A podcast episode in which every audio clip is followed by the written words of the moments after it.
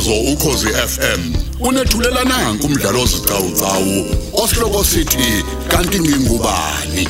Lo mdlalo ubhalwe ngusandile mbili.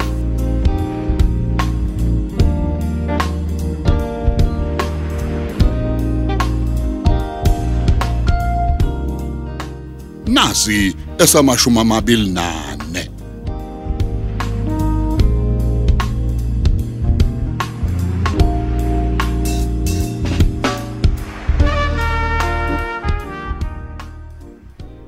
Hayibo, Simpiwe kanti indaba enkulu kangaka ndoda. Ey njengoba ngikutshela nje bafo. Eish. Uyazi angazi nami ukuthi kumele ngiqale ngenzeni makunjena mfowethu. Ey, yekanini indlela ke nje usiciba bekukhonze ngayo. We- Uyazi bekubonakala nje ukuthi ujabule ngendlela eyisimanga ngokukuthola. Uyazi bafo ukukhuluma iqiniso nje kwamina bengijabule kakhulu. Fana mfowethu. yithi. Ngaphezulu nje kokuthi ke benginakho ukuziqhenya nje ngaphakathi ukuthi ubaba wami cha ongizalayo usicebo ngosomabhizinisi onamabhizinisi amakhulu futhi ophumelele. Eish, mfowethu zazi imbike lezi indaba. Ayish. Ya, angifuni mfethu ngizwe kabi. Aha. Angisho ukuthi bengijabula ngoba nakho eyisiqhumama. Cha, benginandaba kakhulu nemali yakhe namabhizinisi akhe. Bengijabulela khona nje ukuthi ekugcineni mfethu sengize ngamthola ubaba ongizalayo. Eish. Bengikholwa ukuthi zonke inkinga zami mfethu sezizoxazululeka. Eish, bafo ngikuzwa kahle. Ngiyakuzwa mfana kithi. Kodwa ke mfethu asibonge khona nje ukuthi lento ivele isheshe iqhamuke engakangenzeli lutho Yeah. yeah. labethe uzongenzela lona. Ya ne. ngoba phela ngaleli langa ethola ukuthi nje angisiyi ingane yakhe ubethe watshela abazali bakho ukuthi ucabanga ukuthi eze lapha kubaba uNdlovu azongihlawula nje abonge nanokuthi ke ungikhulisile mase aphinda ngishintshe isibongo Awu ndoda. Uyazi kodwa bekwamukele ngempela lo mjidi.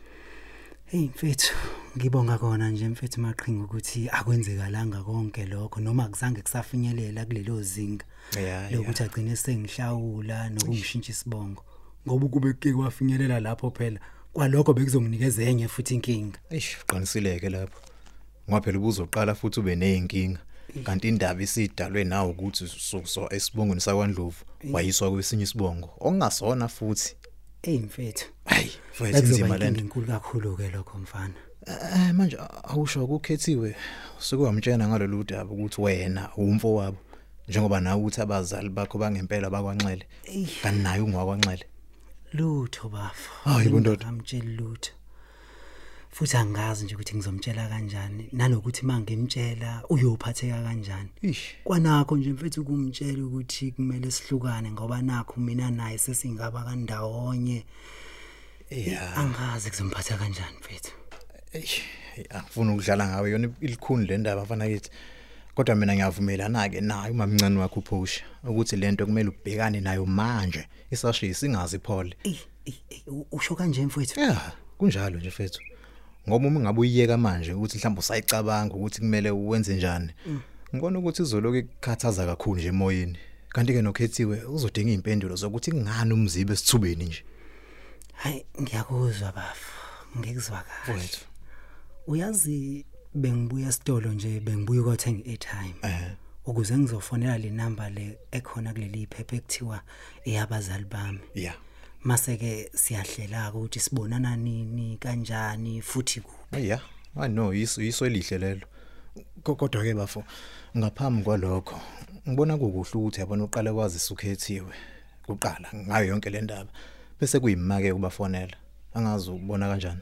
Ey, nakho lokho ngicabangile bafu futhi ngiyabonga kakhulu mfowethu ukungibonisa mina nje bengidideke ngempela Akufanele fana kithi. Okusho ukuthi namhlanje ntambama kuzomela ngivele nje ngiyohlangabeza ukhethiwe lapha esitobhini mase buye emsebenzini ukuze ngizokwazi ukuthi ngimazise nje ngale ndaba Yeah. mase mhlawumbe kusasa ke noma nje ensukwini ngifonela labantu bakanxele Hey. Manje yes mphiwe kusho ukuthi sengakubiza ngosibali manje. Mhm.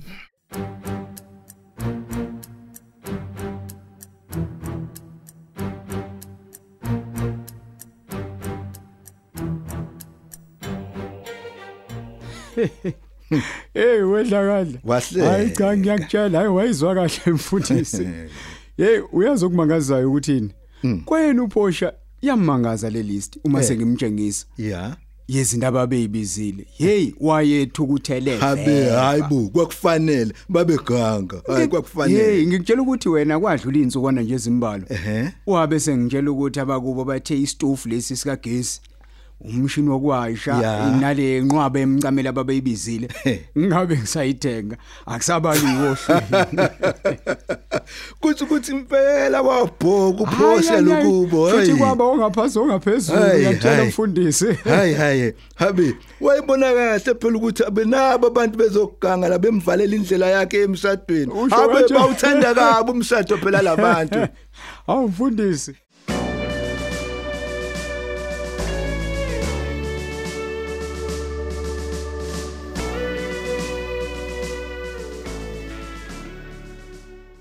Hawu. Ngosibari kanjani manje? Usho ukuthini mfethu?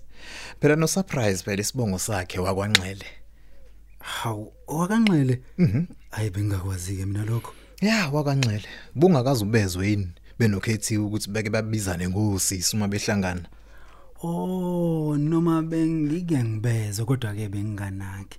Bengizitshela ukuthi nje kufana nathi kanje njengoba sibizana ngobafo, ngobra wami kanje. akanilutho ke mfethu bobabili abakwanxele Awu. Hayi bengingazi yazi.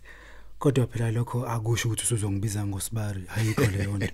Mina nje ngisawusimphiwe endlovu angakabi umxolisi inxele. hayi no ngiyakuzwa hey kodwa ke nakhona indaba yakho mfethu hayi insumansumani impela uyazi ungabhala incwadi ngale ndaba ngoba buka nje waziwa ngokuthi uSimphiwe Ndlovu kanti ngekudala nje ubusuthola ukuthi empeleni uSimphiwe igama kuyabeke manje sekuvela ukuthi hayi awuyena ugama kodwa ngokusempeleni umxolisi Nxele Ey, ayi mfethu. ndoda Basuke beqinisile uma bethi izono zabazali ziwela kubantwana. Ayi Uyabona nje ngabe yonke lento ayenzekalanga ukuba udeliwe akangijontshanga kumama wami esibhedlela. hey ulisho liphindeke lelo mfana kithi kodwa ke uyazi ngabe nathi asikwazi ukuba kazange akuthathe Ey mhlawumbe mfowethu asazi. Hayi no, simpiwe mfethu, angikubone. Nama ngihambe ngi- ngibe ngiyoqala ukulungiselela ukemsebenzini. Ngiyabona ukuthi nezikhathi ziyasondela zokuthi ngishone ngakhona. Oh konje uyangena namhlanje ebusuku. Ayi ya ngiyangena. Awu mfethu ungaphezi phela amaqhinga bra wami kungizwela amathuba omsebenzi la usebenza khona noma nje kwezinye ke indawo. Mfethu, hayi no, khulileka bafo ngihlezi vele ngilula izindlebe nje. Ngizokuzwela noma kanjani. Eh, sale kahle ke mfana kithi. Moja bra wami.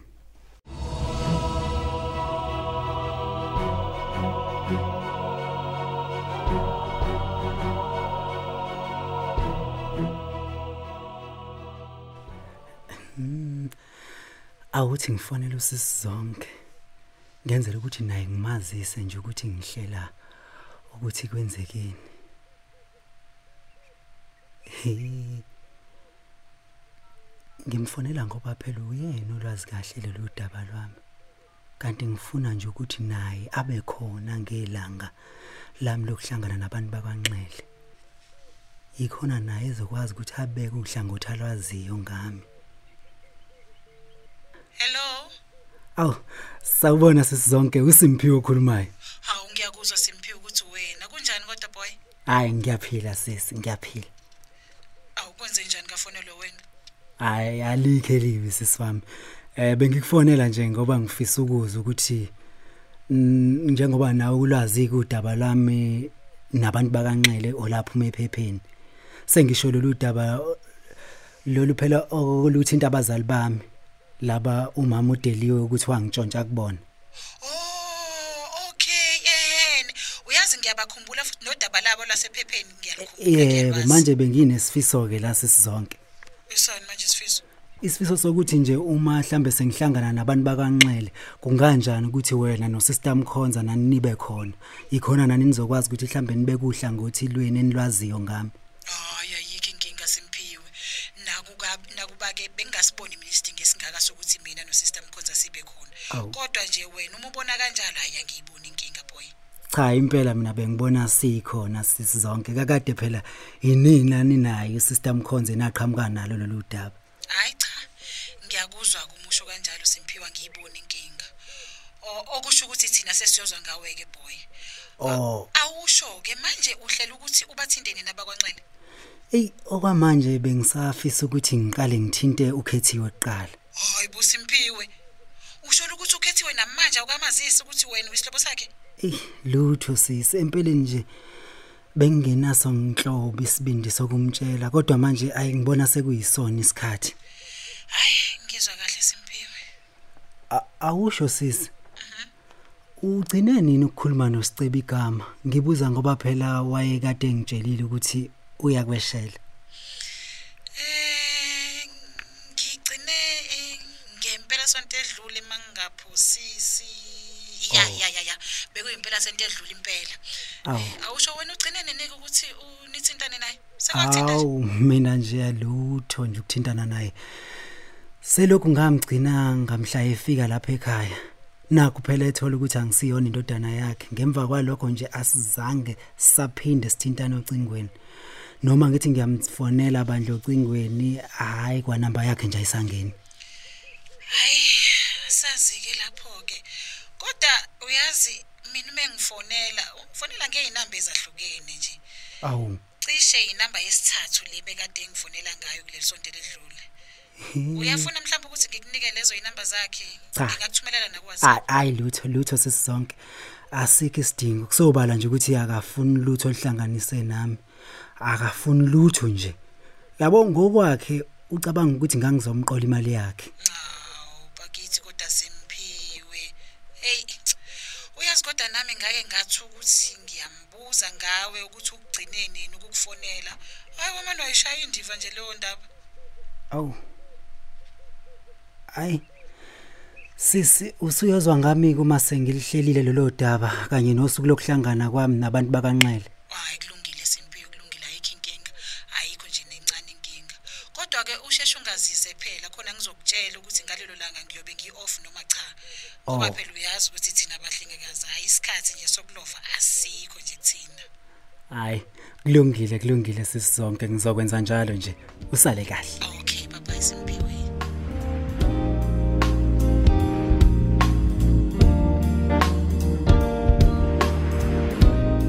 asisibambe lapha isiqephu sethu sanamhlanje esithi kanti ngingubani osithulelwa ukhozi FM